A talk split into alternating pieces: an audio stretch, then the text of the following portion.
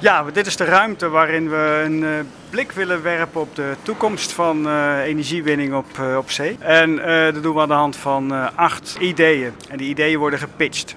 Oké, en hoe gaat het dan? Want we zijn in een soort kleedruimte, een doucheruimte. Ja, ja, ja precies. Als je een beetje fantasie wilt gebruiken, dan lijkt het op een zwembad met, waar de, bij de, de kleedhokjes zitten. In ieder kleedhokje staat een, een, scherm. Op dat scherm is een pitch te zien en te horen van een persoon of een groep personen die een idee hebben over hoe zij uh, duurzaam eh, op zee willen gaan, uh, energie willen gaan produceren.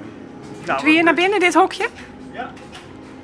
Hoi, ik ben David van de TU Delft. Duurzame energie is natuurlijk prachtig. Maar wat doen we op het moment dat de zon niet schijnt en er geen wind is? Het probleem van de toekomst is dus om die energie op het juiste moment op te slaan. Dat kan in zoet en zout water. Dit wordt natuurlijk een beetje te lang voor deze uitzending, Wouter. Dus kan jij in het kort vertellen wat dit idee is? Ja, dit idee is uh, de opslag van uh, de bewegingen van het water op zee. He, door het splitsen in zoet en zoutwater, waardoor ze dat kunnen opslaan. Maar is dit een reëel idee voor de toekomst? De technologie daarachter die is uh, uitgedacht, die is bekend. De vraag is nu van hoe kunnen we dat op een zo'n grote schaal gaan toepassen. dat het ook te maken is en dat we die energie ook echt kunnen onttrekken aan, uh, aan het water. Kijk, um, op, op zee zijn heel veel energiebronnen mogelijk. En de vraag is alleen, hoe benutten we die energiebronnen het beste? Ze hebben allemaal hebben ze hun, voordelen, ze hebben ook allemaal hun nadelen. Uh, wind, er is niet altijd wind. En soms het getijden, is, dat is ook een, een, een op, op- en neergaand iets. Je hebt een aantal uren per dag dat je geen energie uit je, uit je getijdencentrale hebt. Dus hoe, hoe, gaan we dat slim combineren? Nou, die Denen hebben dat gedaan door dat, door dat te combineren, wind en getijden uh, bij elkaar te brengen. Je, je, zou ook op een andere manier nog kunnen gaan denken. Er is hier een pitch waarin energie wordt opgewekt en dat wordt opgeslagen in, uh, door middel van waterstof. Een stukje luisteren daar? Ja, dat is goed. Het gaat momenteel niet goed met de olieprijs. Hierdoor zijn veel boorplatforms niet meer in gebruik.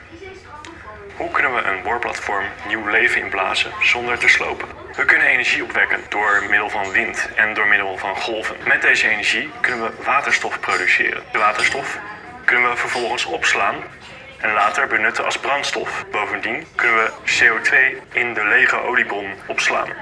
Samengevat kunnen we energie opwekken. Met deze energie kunnen we waterstof produceren.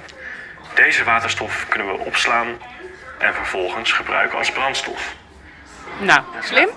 Ja, want uh, een, een, probleem bijvoorbeeld met elektriciteit is dat je het niet kan opslaan. Het voordeel van, uh, van kerosine of benzine is dat het zo'n energie, een, een, hoge energiedichtheid heeft. Dat je daar, ja, zeker in het vervoer, heel veel mee kunt. Het is transporteerbaar, het is een opgeslagen energievorm. Dus um, om, om daar een oplossing voor te bieden, is waterstof wellicht een, een optie. En um, ja, dat vind ik wel het hele interessante van het tijdperk waar we nu in zitten. Is van welke kant gaat het op? Wat gaat het uiteindelijk worden? En hier, hier proberen we een beetje een, een, een beeld te schetsen van welke kant het op zou kunnen gaan. Maar we hebben ook gekeken naar um, technieken die bestaande energiewinning uh, milieuvriendelijker, duurzamer en efficiënter maken. Ja, en dat is dan bijvoorbeeld het idee van de Blue Piling Technology. Hiermee kunnen wij enorm grote palen op zee heien voor offshore windturbines. De komende jaren wordt voor tientallen miljarden geïnvesteerd in offshore windparken. Wij kunnen die palen veel stiller de grond in heien en met veel minder vermoeiing. Hiermee kunnen wij tientallen miljoenen besparen op de aanleg van deze offshore windparken. En tegelijkertijd het zeeleven enorm ontlasten. Red de bruinvis. Stem op ons. Ja, dat gaat de goede worden, denk ik, hè? Met, uh, als je een bruinvis erbij haalt. Ja, nou ja, het um, probleem met het heien vroeger was dat het gewoon met hele grote, krachtige uh, verbrandingsmotoren ging. En dat gaf een enorme knal onder water.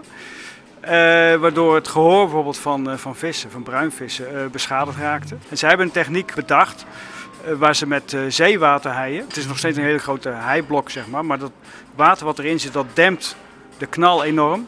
Waardoor de drukgolf in het water ook veel minder is. En het, het leven uh, onder water uh, daar uh, veel minder door belast raakt. Nou zegt hij stem op ons. Ja, het is, die, die pitches zijn er niet voor niks. Er is een competitie aan verbonden eigenlijk.